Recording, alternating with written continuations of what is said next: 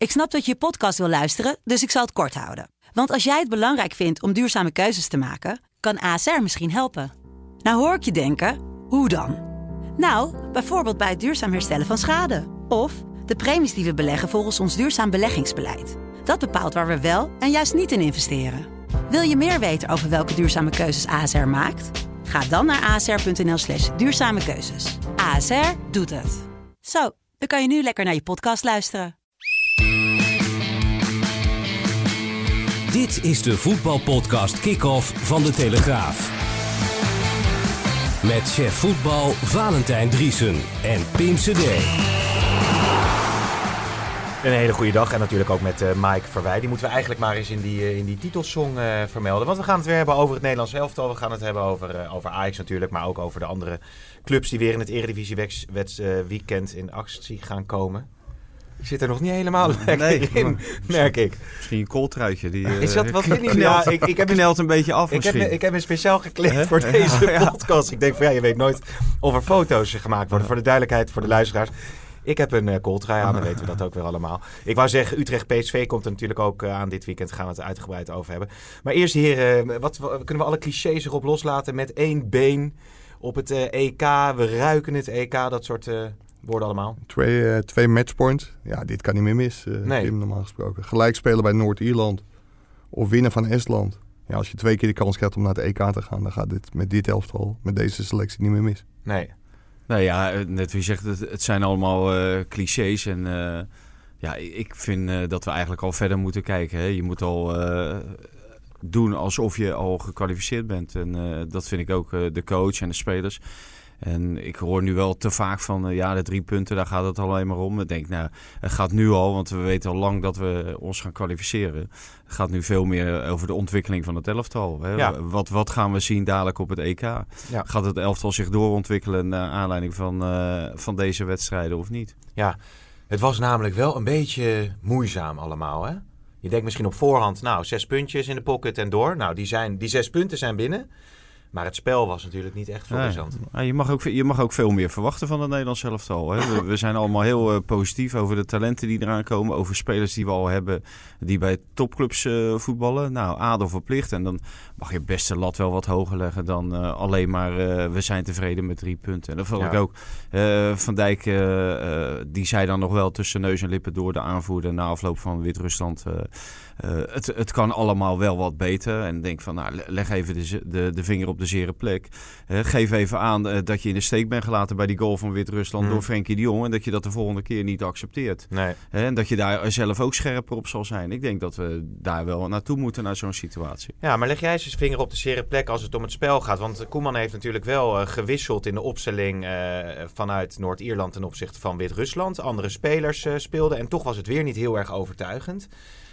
Laten we maar meteen een vraag erbij halen die binnenkwam op jouw uh, Twitter-account, Mike. Over Van de Beek. Want dat is wel een beetje een speler die daar symbool voor staat. Hè? Die, die, waar moet je die nou zetten? Moet hij in de basis? In welke wedstrijden moet hij in de basis? Ja, met, met de wetenschap van achteraf had je eigenlijk Donny van der Beek veel beter in de eerste wedstrijd op kunnen stellen dan, dan in de tweede wedstrijd. Frenkie de Jong werd, werd vastgezet. Had uh, voortdurende bewakingen tegenover zich tegen de Noord-Ieren. Ja, en daarnaast had Donny van der Beek wel het verschil kunnen maken. Hm. En dat ging tegen Wit-Rusland een stuk moeilijker, omdat Koeman met een hele rare, rare tactische keuze uit de hooghoed kwam. Ja, ik, uh, ik, vind, uh, ik wil Mike wel even vrijpleiten. Want Mike heeft het namelijk ook al voor de wedstrijd gezegd. Hij zegt achteraf is het makkelijk om het te zeggen. Maar Mike heeft het ook voor de wedstrijd gezegd dat uh, Donny van der Beek eerder in die wedstrijd zou, moeten, mm. zou uh, opgesteld zou moeten worden dan Martin de Roon. Omdat je krijgt gewoon, je weet al van tevoren, er worden hele kleine ruimtes in de Kuip tegen die, die Noord-Ieren. Er wordt veel verwacht aan de bal. en er wordt veel beweging verwacht om die gasten uit elkaar te spelen. Ja. En dan had je Van der Beek in de eerste wedstrijd moeten, moeten opstellen en niet de Roon. En ja, dat was toch een bepaald soort angst waarschijnlijk. En, ja. en hij heeft het vooraf, heeft Mike gezegd. Dus om te zeggen van ja, achteraf uh, met de wetenschap van achteraf. Ja, nee, het was al wetenschap vooraf. Maar Koeman wil dat, ja, wat wij zeggen? Ja, te, tegen die Wit-Russen was het veel moeilijker voor Donny van der Beek, omdat ze 3-4-3 speelden. Ja, daar stond opeens Veldman uh, als, als rechter middenvelder, waardoor uh, Bergwijn zeg maar, als nummer 10 kwam te spelen. Ja, het, het, was daar al mega druk. En daardoor was er voor Van der Beek ook bijna geen eer te behalen. Ja, wat ook wel, wel moeilijk is, denk ik, voor een Van der Beek... is dat het, het, het koppeltje Wijnaldum de Pai... Dat, dat, dat zet misschien Koeman wel als eerste Ja, op het formulier neer. Zeker. Terwijl die positie achter de spits is eigenlijk de ideale positie voor Ja. Van der Beek natuurlijk. Ja, ja, maar ook voor Wijnaldum blijkt nu. Ja. In, in het koppel maar weer. eh, met de paai, maar ook zonder de paai. eh, want hij scoorde dan twee keer tegen Wit-Rusland. Dus ik kan me voorstellen dat je dat, die ga je daar niet weghalen. En die voelt zich daar vrij. En die gaf ook in aanloop, eh, vertelde hij mij ook dat hij het liefst daar wil voetballen. Hè? Want je speelt het liefst zo dicht mogelijk bij de goal. En je wil aanvallen en doelpunten maken. Hè? Want het is van nature een aanvaller. Alleen Van der Beek, en dat zegt zowel Ten Hag als Koeman... eh, kan ook in die positie daarachter heel goed uit de voeten. En zeker met Frenkie de Jong eh, achter moet dat, moet dat geen enkel probleem zijn. Eh, vorig jaar bij Ajax ook gezien. En bij Ajax dit jaar heeft hij al een paar keer die positie bezet. Zeg maar net voor Alvarez of Martinez. Dus ja, ik, ik denk dat hij daar rustig kan. Ja. Ja, het, gaat er, het gaat er volgens mij vooral om als je hem een kans geeft. Want je kunt uiteindelijk tot de conclusie komen van Wijnaldum is mijn man op 10. En Van der Beek is gewoon de tweede keuze op die positie. Maar als je hem een kans geeft, dan moet je hem ook wel een eerlijke kans geven. En voor mijn gevoel heeft hij dat de afgelopen twee wedstrijden niet gehad. Nee, ik zit te denken, want als je, eh, d- d- om die vraag verder uit te li- eh, diepen, hè, iemand die vraagt, dus, nou, Ten Hag en Koeman, hoe kijken ze nou echt naar die, naar die optie? Want ehm, hij, hij, hij speelt er wel bij Ajax dan af en toe, maar als hij dan op 10 staat, bijvoorbeeld tegen Valencia uit, dan zie je weer die Van der Beek, Ja. die de ruimtes, dan komt hij echt tot zijn recht. Ja, dat, dat- dat is denk ik ook zijn beste, beste Ja, positie. ja. Maar allebei de coaches, zei Van Anton net ook terecht, Koeman, zowel Koeman als Ten Hag heeft aangegeven dat hij ook die andere positie gewoon Hmm. goed, goed kan inkleden. Bij, bij Ajax heeft hij natuurlijk wel eh, mensen om hem heen. Hè, dat eh, werd eerder ook gerefereerd. eh, die hem weg kunnen steken. Hè, Dat eh, een Tadic, eh, een Ziyech, eh, die hebben het vermogen om hem ook die vrije ruimte in te spelen. Hè, en om hem daar ook te bedienen. En dat is bij het Nederlands elftal wel, wel wat minder. Zeker als Frenkie de Jong dan ook nog wordt vastgezet. Dan, dan zijn er weinig spelers die de, het gochme hebben. En daarom vond ik het wel zo mooi, eh om een brugje richting dat Jong Oranje. Daar zag ik Stenks een paar ballen geven op Boadou. en ik denk, ja, de Boadou heeft, eh, heeft ook die beweging, dan vanuit de spitspositie. Eh, en, en die wordt op de juiste momenten aangespeeld, in de juiste ruimtes. Ja. En die, dat mis je een beetje in die aanval van het Nederlands elftal. Nou, daar wil ik zo uitgebreid over eh, doorpraten. Dat komt aan in de stellingen en daarna nog eh, aan bod, ook met Robin Jongmans, eh, die Jong Oranje volgt. Eerst nog heel even Wijnaldum, want ja, we staan dus met anderhalf been eh, op het eh, EK. En eh Maaike stelde de vraag aan hem, ja, wat ze daar eigenlijk kunnen bereiken op een EK. Ja, dat is altijd moeilijk zeggen. Kijk, in, ehm, op het WK groeiden we natuurlijk op een toernooi. Eh, dat zie je vaak dat clubs, of eh, clubs, landen groeien eh, gedurende het toernooi. En dat moeten we ook hebben. En eh, we hebben kwaliteit, dat hebben we laten zien tegen de beste landen. Maar het gaat er natuurlijk wel om hoe je, hoe je een toernooi gaat spelen. En, ja, we moeten nog zien hoe, hoe ver we zijn. We moeten eerst zorgen dat we het halen en dan kijken we verder. Ja, groeien in het toernooi. Dat, dat is wel iets wat bondscoach Koeman beheerst volgens mij. Zo'n team, in, met de Champions League, met Ajax heeft hij het onder andere gedaan. Gewoon goed presteren binnen ja, zo'n... eh, ja, ja. Nou, hij, hij, hij kan vaak heel goed wedstrijdgericht coachen. ja. En dat is wel belangrijk op een toernooi. Hè? Dat je, want eh, iedere keer heb je een andere tegenstander. En vaak vragen die tegenstanders dan weer net iets anders. Een, een kleine aanpassing. En vroeger had hij daar ook altijd Tony Bruin slot voor. Die hebben nog wel contact, maar dat is niet zo intensief als, als voorheen. En ja, die, die wisten altijd eh, feilloos eh, de, de zwakke plekken van een tegenstander bloot te leggen en daarvan te profiteren. En dat, eh, ja, dat, dat maakt je toch wel, vind ik, als een gevaarlijke outsider op het EK komend jaar. Of Ja. misschien zelfs favoriet. Ja, het, het is een team worden, wat, wat Wijnaldum zegt. En bij elk groot toernooi is ook ja, de, de factor geluk speelt heel erg mee. Dat zag je in 2010, zag je in 2014. Maar ja, dat er kwaliteit is, dat, dat is wel duidelijk. En nu is het aan Koeman om daar iets moois van te smeden. Wat wel mooi was, Mike, jij vroeg ook nog van, van kijken nou die wedstrijden als je jezelf niet eh, kwalificeert eh, voor zo'n toernooi. Hè? Wat doe je dan in de zomer? hij kijkt gewoon niet, hè? Nee, hij zei, hij kijkt sowieso heel weinig Ja, voetbal. dat, vond ik echt, dat, dat vond ik echt opmerkelijk om te horen. Ja, je zou zeggen als je heel erg met je vak bezig bent, Ja. dan kijk je wel heel veel. Maar misschien is het wel voor hem de ideale ontspanning om dan lekker niet te kijken en wat, wat anders te doen. Met, met zijn kinderen of weet, weet ik veel wat. Ja, hij kijkt niet. En zeker bij toernooien waar Oranje zich niet voor heeft geplaatst. Ja, dan kan ik me ook wel een beetje voorstellen. Maar hij heeft echt de EK-finale van 2016 en de WK-finale van 2018 heeft hij niet gezien. Ja, wat vind jij Nee. daarvan eigenlijk? Nou, ik kan me wel iets bij voorstellen, omdat uh, die jongens kijken namelijk wel heel veel voetbal, maar kijken verplicht voetbal uh, met, uh, met iemand die de beelden bij elkaar knipt en die analyseert en met die trainers. Dus ze krijgen genoeg informatie, denk ik, over de tegenstander om wel goed voorbereid aan de, aan de start te verschijnen. Dus Ja. ik denk, kijk, en eh, eh, kijken is ook een bepaalde hobby of, of liefhebberij. Want ja, je bent wel 90 minuten kwijt. En soms zit je naar draken van wedstrijden te kijken. En ik kan me Ja. voorstellen dat je eh, Albanië, Zwitserland, dat je daar niet warm voor Nee, maar loopt. Ja, maar de WK-finale, die, die kijk je toch? Normaal gesproken. Ja, ik wel, ik wel. Ja, ik kijk hem wel. Ja. Oké, nou duidelijk. We gaan naar de stellingen. Dit oranje moet nu al gaan doorselecteren. Eens. Eens. Van Bronckhorst is hartstikke blij dat hij geen coach meer is van Feyenoord. Eens. Eens. Thomas Müller, dat zou een mooie aanwinst zijn voor Ajax. Eh, oneens. Ja, ook van eens. Oké. PSV gaat de eerste nederlaag eh, leiden bij Utrecht. Oneens. Oneens. En dit is het beste jong oranje van deze eeuw. Oneens. Oneens. Ja, nou ja, daar maar even over doorpraten dan. Ik dacht, ik, ik zeg gewoon deze eeuw. Ik Ja, en toen ging ik heel snel terugrekenen van Ja, eh, wie zat er begin Ja. van de eeuw bij. En Ja. ja, ja volgens mij kom je, kom je dan toch in de buurt van eh Snijder. En, eh, maar ja, dat zijn wel vaak spelers die hebben Jong Oranje overgeslagen. Dus op het moment dat Jong Oranje heel... Ik weet bijvoorbeeld Arnold Brugink is een geweldige speler geweest bij. Jong Oranje.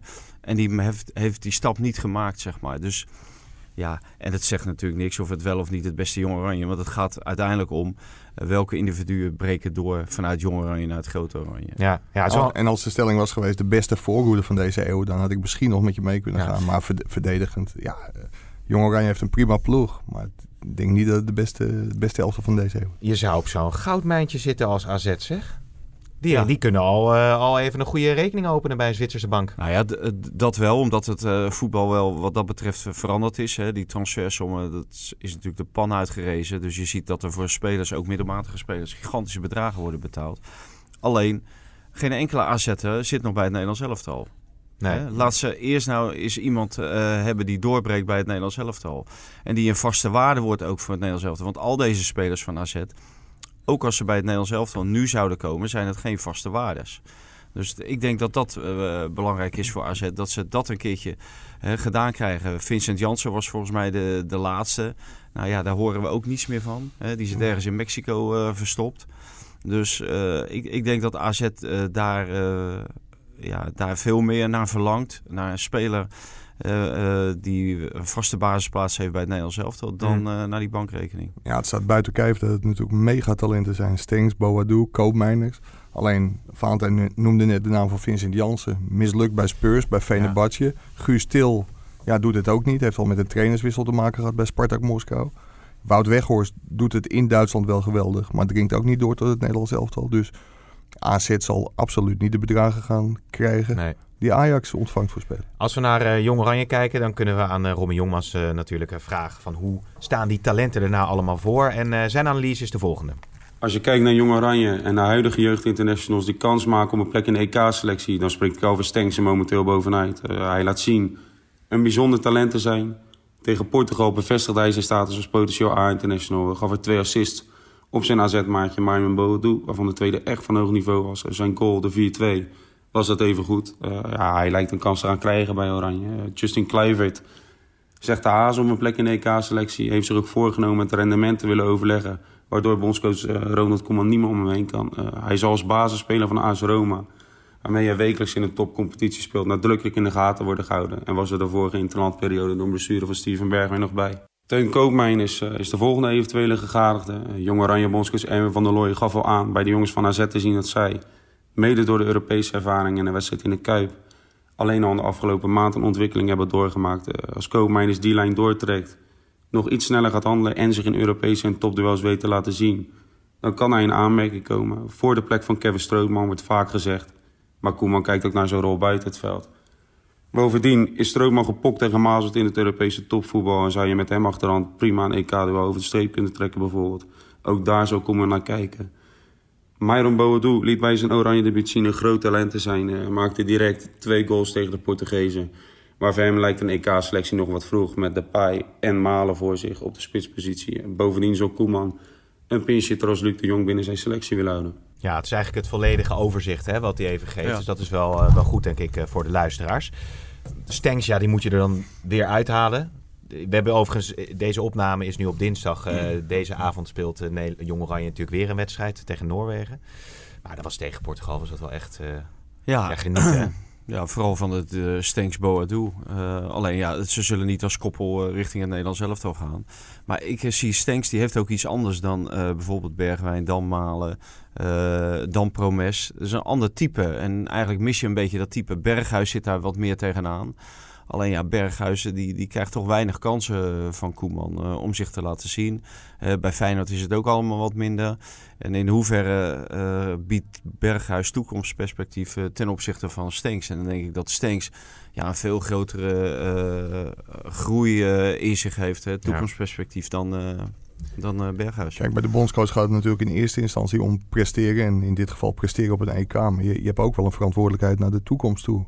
Kijk, je kunt voor Berghuis kiezen, je kunt voor Strootman kiezen. Maar ja, je kunt ook mensen aan het toernooi laten ruiken. De, de bijhalen in ieder geval. Hmm. Of ze dan spelen is, is een andere zaak. Maar ja, dit is zo belangrijk ook met het oog op de toekomst van het Nederlandse voetbal. Dat ik denk dat je bijna verplicht bent om Stenks en Koopmeiners er wel bij te halen. Ja, ja. maar de vraag is natuurlijk ook van, uh, die, die eerder had sprake om van, moet hij nou nu al gaan doorselecteren? Moet hij nou tegen Noord-Ierland al zeggen van, ik ga de jongens erbij halen en eventueel ook gewoon een kans geven? Nou, ik vind wel dat die jongens erbij moet gaan halen, ja. Want in feite sta je met één been sta je op, het, uh, op het EK. Dus dat, dat mag uh, niet het beletsel zijn. En dus moet je al gaan werken aan wat je wil zien uh, op het EK. En deze jongens, hij weet niet wat hij van ze kan verwachten. Hij weet niet wat hij van ze krijgt. Dus dan moet je ze zo, zo, snel mogelijk bijhalen. Maar ik denk niet dat hij dat zal doen voor die volgende wedstrijden. We hebben natuurlijk regelmatig gesproken. Ik denk eerder dat hij denkt aan de cyclus in maart. Hè. Dan spelen ze ja. waarschijnlijk ook één of twee oefenen interlands. Dat hij dan die jongens gaat proberen. Maar wat Mike zegt, je, je bent wel een beetje schatplichtig naar de, naar de toekomst. Alleen, ik denk wel, koopmijners, uh, Strootman, dat wordt een moeilijkere afweging dan bijvoorbeeld Stenks erbij halen. En uh, op de achtergrond ook nog Iataren hopen we natuurlijk erbij te houden. Ja, ja waarom is dat zo'n moeilijke afweging? Want Strootman die uh, heeft dan toch een belangrijke rol in de selectie. Ja, ja, die heeft en een belangrijke rol in de selectie. En die, die speelt wekelijks in een hele zware competitie bij, bij Marseille. Hij staat iedere keer in de basis. En waar, waar je ook op gewezen werd, is zeg maar. Uh, als je meegaat als reserve, dan moet je de boel scherp houden. Hè? Dan moet je de basis scherp houden. Dan moet je het kunnen opbrengen om uh, drie weken, zeg maar, eigenlijk tweede viool te spelen. Maar toch ook scherp te zijn naar de, naar de basis. En daarin is Strootman natuurlijk veel verder en gepokt en gemazeld ja. dan koopmijners. Dus dat, ik kan me voorstellen dat Koeman dat ook meeneemt in zijn overweging. Ja, en, en wat heel erg in het voordeel van Strootman pleit, vind ik wel, is hij komt eigenlijk al jaren niet meer, niet meer in het verhaal voor.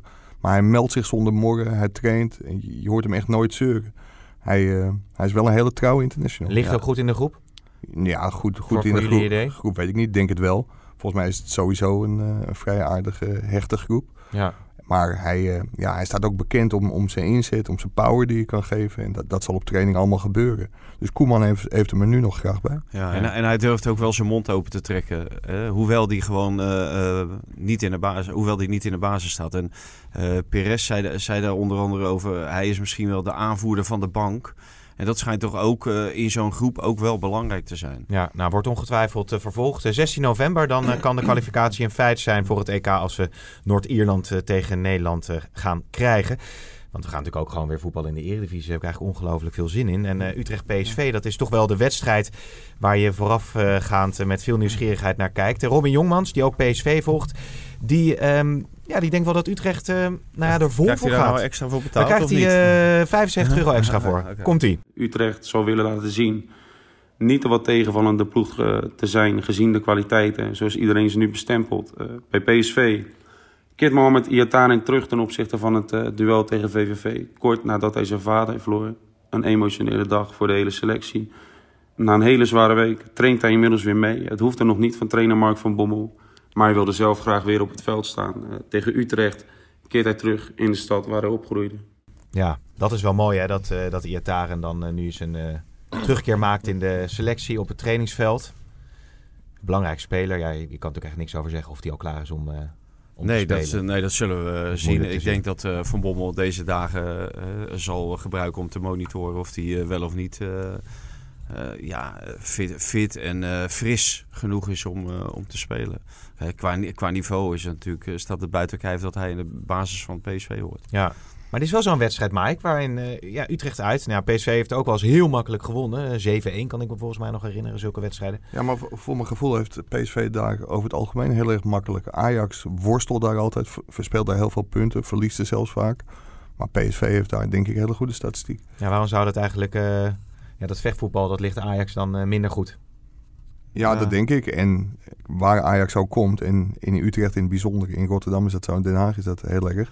Ja, daar is het echt opgepompt door de wedstrijd van het jaar. Ja. En die spelers van FC Utrecht, ze winnen vaak van Ajax en prompt verliezen ze daarna drie wedstrijden. En dat maakt ze dan ook niet uit en het maakt de fans al helemaal niet uit. Ja. En ja, die rivaliteit met Ajax is gewoon veel groter dan met PSV. Ik zat nog even Ja. te kijken. Vorig jaar was het inderdaad... eh, vorig jaar was het dan 2-2, maar eh, in 2017 was het 1-7. Ja, Het ging een mes had door de boter. ook, ook, eh, kunnen zijn hoor. Want eh, toen was PSV ook veel beter eigenlijk. En eh, die profiteerde eigenlijk niet van alle geboden ruimte. Maar wat, wat bij PSV, PSV is veel sneller in de omschakeling, zeg maar. En bij Ajax duurt het wat langer. Waardoor Utrecht ook meer in de duels kan komen. En daar zorgt PSV altijd wel voor. Dat is gewoon ja, eigenlijk de cultuur, eh, eh, de identiteit van, van die club. En daardoor hebben ze het vaak ook makkelijker. Want ze hebben daar ook spelers voor. Hè? Met Bergwijn nu ook weer, met Malen. Het, het zijn de, die zijn razendsnel in de Ja. omschakeling. En bij, P- bij SC Utrecht lopen trouwens twee jongens die het niet hebben gered bij PSV. Hè? Maher en eh, hoe heet onze kleine vriend? eh Ramselaar. Oh ja. Eh, Die, eh, ja, dat zegt natuurlijk ook wel, wel iets. hè. die hebben dus niet het niveau voor PSV. En dat zijn toch wel twee hele belangrijke spelers bij SC Utrecht. Dus Ja. ja. dan kan je aan de ene kant zeggen van die zijn extra gemotiveerd. Dat zal best wel. Maar qua niveau eh, trekken ze natuurlijk niet het niveau van PSV. En Ho- PSV. hoewel- je wel hoort, vanaf het moment dat eh, Utrecht Ramselaar heeft aangetrokken, dat de balans op het middenveld van Utrecht met Maher en Ramselaar, dat, dat die opeens compleet zoek is. En Utrecht, ja, gezien de kwaliteiten die ze hebben, zij zouden ze toch wel wat hoger mo- mogen staan Ja. en wat meer punten mogen Ja, mogen. precies. Ja, en ik wou zeggen, PSV heeft dan natuurlijk ook nog een, een Spaans eh, groot talent. Hè? Die, die, die het verschil kan maken. Tony Lato. Tony Lato. Tony Lato, ja. Er komt ook een vraag over binnen. Ja. Wat, hoe gaat het eigenlijk met Tony Laat Lato? zitten. Nou, ik denk, ik denk dat Tony Lato, eh, de belangrijkste dag in de week voor Tony Lato is op een vrijdag. Dan maakt eh, Van Bommel de selectie voor de zondag bekend. En dan ziet hij iedere keer dat hij er niet bij zit. Of hij zit erbij als 22e man. Ja, dit is natuurlijk gewoon... ah, PSV moet echt God op zijn blote knieën danken dat het niet eh, Tony Lato heeft kunnen kopen. Eh, want dan had het een miskoop eerste klas geweest. Ja, ik vind het wel een mooie naam. Tony Lato is een geweldige naam. Tony ja. Lato. Ik zeg ook beter eh, Gregor Lato of hoe heet die, eh, die Pool. eh, Oh, dat is voor mijn tijd ja, waarschijnlijk. die, hè? die, die was iets beter. Dat was de spits van Polen in 1974. Ja, ja, jongens, we kunnen, we- ik ga proberen een beetje zo, want we het eigenlijk ook nog over Cherny hebben. Maar, maar hoe gaat het daarmee? Heel kort dan. Heel Weet je dat? Die heb ik zien invallen tegen Wat- Vitesse. Dramatisch. Dat is toch een speler waar ze bij Ajax altijd wel eh, ja, hoop op hadden dat hij het zou gaan redden, toch? Zeker, en hij is volgens mij ook vijf keer achter elkaar. Ik weet niet hoeveel waarde je daaraan moet hechten. Maar hij is volgens mij vijf keer achter elkaar het talent van Tsjechië geworden. maar dat Ajax uiteindelijk besluit hem, besluit hem te verkopen. Ja, dat, dat geeft wel aan dat ze uiteindelijk toch hebben gezien dat hij het Ja. bij Ajax niet zou maken. Maar bij Utrecht waren de verwachtingen hoog. En die heeft hij nog niet waargemaakt. Nee, nee, nee. Kom wel terug van een zware blessure. Hij heeft wel... eh, Kruisbandletsel ja. ook, ja. Ja, we, even, even Thomas Müller doen we even tussendoor, want, want daar gaan we het niet uitgebreid over hebben. Maar het kwam in één keer voorbij op de websites. Tony Müller natuurlijk, eh, of Tony Bij ons toch niet, hoop? Tony Müller. Tony Thomas, Müller. Tony Thomas. Müller. Thomas Müller. Ja, het is toch contrai, Ja, hè? Dan krijg ja, wel, gaan ja. minder, minder nadenken. Ik had dat laatst ook al overigens met, eh, wat was het ook weer? Bergwijn en, eh, nou ja, goed, enzovoorts, enzovoorts. Ja, die Maar eh, alle gekheid op een stokje. Dat die naam dan in één keer gevallen wordt, ge- genoemd wordt. Ja, en Mark Overmars zou gezegd hebben dat hij altijd welkom is. Maar ik denk Ja. dat hij helemaal niet welkom is. Want die gaat natuurlijk gewoon eigen talenten. En de spelers die ze nu hebben voor de voeten lopen. Ah, het is wel mooi. Het, eh, Thomas Müller is wel... eh, Maar ja, maar Jezus, ja, Messi is ook mooi. En die is ook welkom, maar die komt ook niet. Maar je moet die Müller helemaal niet willen. Ten eerste vind ik het een verschrikkelijke, vervelende fan. Het is toch top om, om, een, om, een, om, om een Duits, Duits, zo'n Duitse speler bij eh, Nederlands voetbal te hebben. Maar we hebben Jonas gehad. Heiko Westerman. Heiko Westerman. Ja, en, eh, dat was een andere goed bevallen. natuurlijk. in die Ja. jeugd, maar weet Mike misschien wel, er speelde ook nog een jongen uit Duitsland. Dat was een toptalent. Maar heb Ja. ik nog niks van gehoord. Bij Maar, buitenspeler, ja. Maar, Maar wat hebben jullie tegen Duitsers, joh? Nee, niks. Ik heb niks Helemaal tegen niks. Duitsland. Dat is toch al heel lang geleden. Alleen ze, vo- ze voegen niks toe eh, bij Ajax. Nee, nou god, nou oké, nou vooruit. Thomas Müller, ik, eh, vielleicht eh, hoort hij het, hij Nou is, ja, hij is welkom, eh, alleen Ajax. om een, eh, een lekkere balgehakt te komen eten op de toekomst. Maar voor de rest dan moet hij weer snel terug naar Duitsland. Dat is de, hier worden gewoon eh, internationals afgeserveerd, eh, dames en hij heren. is geen international ook meer, hè? Ja, wel Hij was- Die- die- die- die jongen Hij die is wereldkampioen maar hij is niet- geworden. Ja, maar hij is niet voor niks afgeserveerd. Nee. Oké. Nog Nou. meer goede stellingen? En Van Bronckhorst, die is blij dat hij geen coach meer is van, eh, van Feyenoord. Hij, hij, was bij die, die afscheidswedstrijd van Van Vaart. En toen werd hem ook even gevraagd van, eh, goh, hoe kijk je er nou naar hoe het bij Feyenoord gaat? En eh, nou ja, hij heeft wel vertrouwen in Jaap Stam dat het allemaal goed komt. Ja, hij krijgt in Engeland nu natuurlijk een enorm mooie kans om een kijkje in de keuken te nemen. En ik denk als je Feyenoord op dit moment ziet ploeteren... en ook ziet wat voor materiaal Jaap Stam tot zijn beschikking heeft... dat hij wel heel erg blij is dat hij naar Engeland toe komt. Ja. Ja. Maar bij City, hè, hij eh, Ja, loopt precies. dan een soort stage, een eh, jaar of twee jaar. En bij City, eh, City Football Group, maar die hebben allerlei teams door de hele wereld. En zijn naam viel ook al met betrekking tot, tot de ploeg van City in New York. Kijk, als zo'n kans zich ineens voordoet, ja, dan kan je beter in, die, in die lijn denken dan, eh, dan dat je nog een jaar bij Feyenoord had moeten aanmodderen. Ja. Want Zijn laatste jaar was natuurlijk ook geen florisant jaar. Nee, alhoewel eh Senesi misschien nu wel echt eh, zijn opwachting gaat maken dit weekend. Oh, of zit hij dan nog in, eh, die vliegt weer naar Argentinië Ja, ja. voor een interland? Jij hebt meer nieuws dan wij dan. eh. ik, ik weet niet. Gaat hij zijn opwachting Feyenoord? Herakles? Nee, geen idee, maar dat blijft toch een mysterie. Ja. Tony Lato en eh Senesi, dat zijn een beetje de, de duizige krachten van... eh, Ja, het zit in de communicatie, hoorde ik. Dus dat, misschien dat het... eh, ik weet niet wat hij heeft gedaan. Misschien dat hij heel snel Nederlands Ja. heeft geleerd... en dat het alsnog goed komt. ja. Maar jij hebt het over Lato, Senesi. eh, mogen we toch ook wel Marien toch ook wel even, even noemen, of niet? Nou, dat want weet ik het- niet of we het die al wel, mogen noemen. eh, Dat Het kan je beter aan mij vragen. schijnt ook heel slecht te communiceren. Ja, Ja. Nee, nee, die brengt het ook nog niet bij Ajax. En dat is toch ook een speler geweest. Die heeft Erik ten Hag twee keer zien voetballen tegen Standaard Luik vorig jaar. En toen wist hij, die wil ik hebben. Het is ook een international, Roemeens international. Hoewel die afgelopen week eh, 90 minuten op de bank zat. Ja, kennelijk wordt er bij Ajax toch iets heel anders gevraagd. Of is hij gewoon volkomen verkeerd beoordeeld. Want ja, hij, is niet eens meer in beeld om in de, nee, in de is- basis te Is, is hij afgeschreven? Voor hoeveel geld? 12? 12,5 Ja, ruim 12. Is ruim hij al 12. afgeschreven dan? Nee, nee, zeker niet. En ik vind ook dat je dat soort spelers wel de tijd moet geven. Maar de, de reacties zijn niet heel enthousiast. Ook van mensen die met hem werken, die, die met hem trainen. Misschien dat het nog verandert, maar het is niet zo dat hij heel erg op de deur staat te bonken om dat elftal in te komen. Nee. Uiteindelijk wordt Senesi misschien nog wel de beste aankoop van die drie. Hè, van Marien, eh, of Lato. en Senesi en, en Lato. Maar dat is geen aankoop, maar die is verhuurd. Dus die kun je weer Ja. heel snel terugsturen. Dus, ik, Ja. eh, dus eh, misschien gaan we uiteindelijk wel eh, het meeste juichen om eh Senesi. Wat, wat, wat wel heel erg opvalt is dat mensen worden, en dat is ook logisch omdat er gewoon ook hele hoge transfersommen hangen, maar die worden heel snel beoordeeld. Ik kan me ook nog een aantal gerenommeerde Fox-analisten herinneren die een mening hadden over David Neres. Het was dan wel een Braziliaan, maar hij had niks van een Braziliaan. Het, het was niks, het zou niks worden. nee. Ja, dat was heel stellig. Maar ja, een half jaar later eh, speelde hij de pannen van het dak. Dus Ja, zo kan het ook gaan. ja precies. zit hij op de bank. Eh, eh, nu zit hij weer op de bank. Misschien hebben ze het al heel goed gezien. Zijn, er nog, eh, voordat we rustig naar het laatste thema gaan, nog belangrijke ontwikkelingen bij Ajax die we moeten weten, Mike? Nou ja, er komen, komen mooie tijden aan met twee keer Chelsea, Feyenoord thuis. Ook de thuiswedstrijd tegen Utrecht komt eraan. Dat is de laatste nederlaag, de laatste thuisnederlaag die Ajax ooit heeft, heeft geleden. Tegen het Utrecht van Erik ten Hag toen nog. Dus ja, er komen mooie tests aan. En het is allemaal Hosanna in Amsterdam. Maar het spel is nog niet Nee. goed. En al- als je dat ook ja, afzet tegen vorig jaar, toen was er eh, misschien wel veel meer kritiek.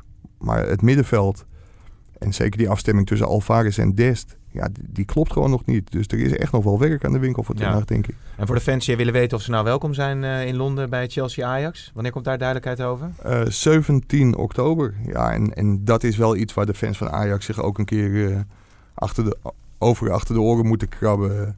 Ze spelen bij Valencia, schitterend weer. Ontzettend rustig stadje, leuk stadje, feest, 3-0 gewonnen. En dan ontstaat er toch weer een, een behoorlijke matpartij.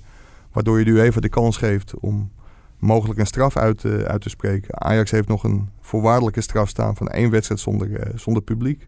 Uitwedstrijd zonder publiek. Ja, en die zouden ze nu wel eens eh, Ja. Om, eh, ja. om kunnen zetten in een, eh, in een definitieve straf. Ja, het gedrag van de fans is er ook, van, is er ook eh, mede debet aan dat er zo weinig plaatsen sowieso zijn. Hè, volgens mij zijn er nu 750 uh, stekken. En dat is uh, ja, verordoneerd door het uh, bestuur, stadsbestuur van Londen. Ja. Die willen gewoon niet meer Ajax-fans in de stad hebben. Dus die hebben daar een limiet aan gesteld. terwijl normaal gesproken, als je je allemaal normaal gedraagt... dan kan je veel meer kaarten krijgen, ook voor Chelsea-Ajax. En natuurlijk is het zo dat het een hele kleine groep is op een hele grote groep. Maar dan moet die grote groep die kleine groep maar eens corrigeren. Ja, het kan natuurlijk altijd nog erger als je Bulgarije-Engeland meekrijgt. Hoe die Bulgaren ja, zich ja, Ik ben heel benieuwd wat de UEFA daar... Want die hebben altijd een mond vol van uh, Respect, against racism, uh, en, racism ja. en alles. Equal game. Snoeihard ja. ingrijpen, toch? Ja, ja, dan moet je gewoon echt snoeihard. Ik, ik hoorde nu van uh, dat in ieder geval de premier van Bulgarije... die wil alvast de voorzitter van de voetbalbond eruit mieteren. Nou, daar, daar valt zeker wel wat voor te zeggen. Maar dan kom je aan de andere kant weer... Uh, aan, aan, bepaalde FIFA-richtlijnen. Die uh, geven aan dat een nationale regering geen invloed mag uitoefenen op een nationale voetbalbond. Ja. Dat wordt dan niet toegestaan. En dat zou dit natuurlijk wel zijn, want dit is een, uh, zeg maar een directe uh, verwijzing uh, van ja, die voorzitter van de voetbalbond. Die moet opkrassen.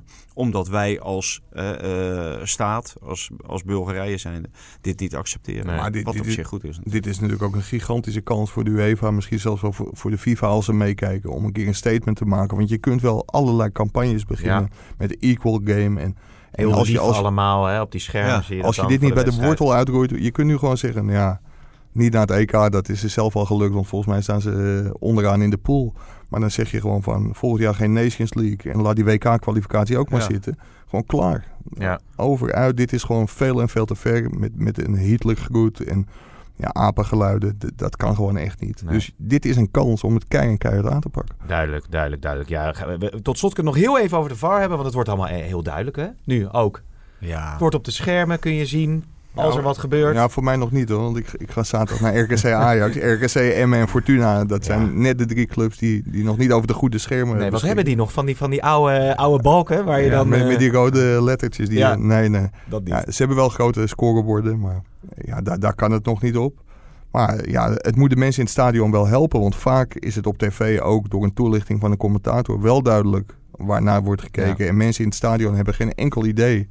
Dus nu wordt er vanuit eh, het Ja. Fairplay, re- replay, weet ik veel wat voor centrum in Zeist, wordt er op de knop gedrukt. En dan, eh, ja, dan staat er dat er wordt gekeken Ja. naar mogelijk hands of eh, dit, wel of dit, geen buitenspel. dit weekend dus, dus Ja. al. ja, maar veel belangrijker is natuurlijk dat de juiste beslissing wordt genomen. Ja. Hè, want eh, het is allemaal wel leuk om te weten waar ze over beslissen. Maar als je dan later voor- bij de tv zit te kijken en, eh, er wordt een foute beslissing genomen. Ja, dan, ik heb liever een goede beslissing dat ik niet weet waar het over gaat. Dan een foute beslissing.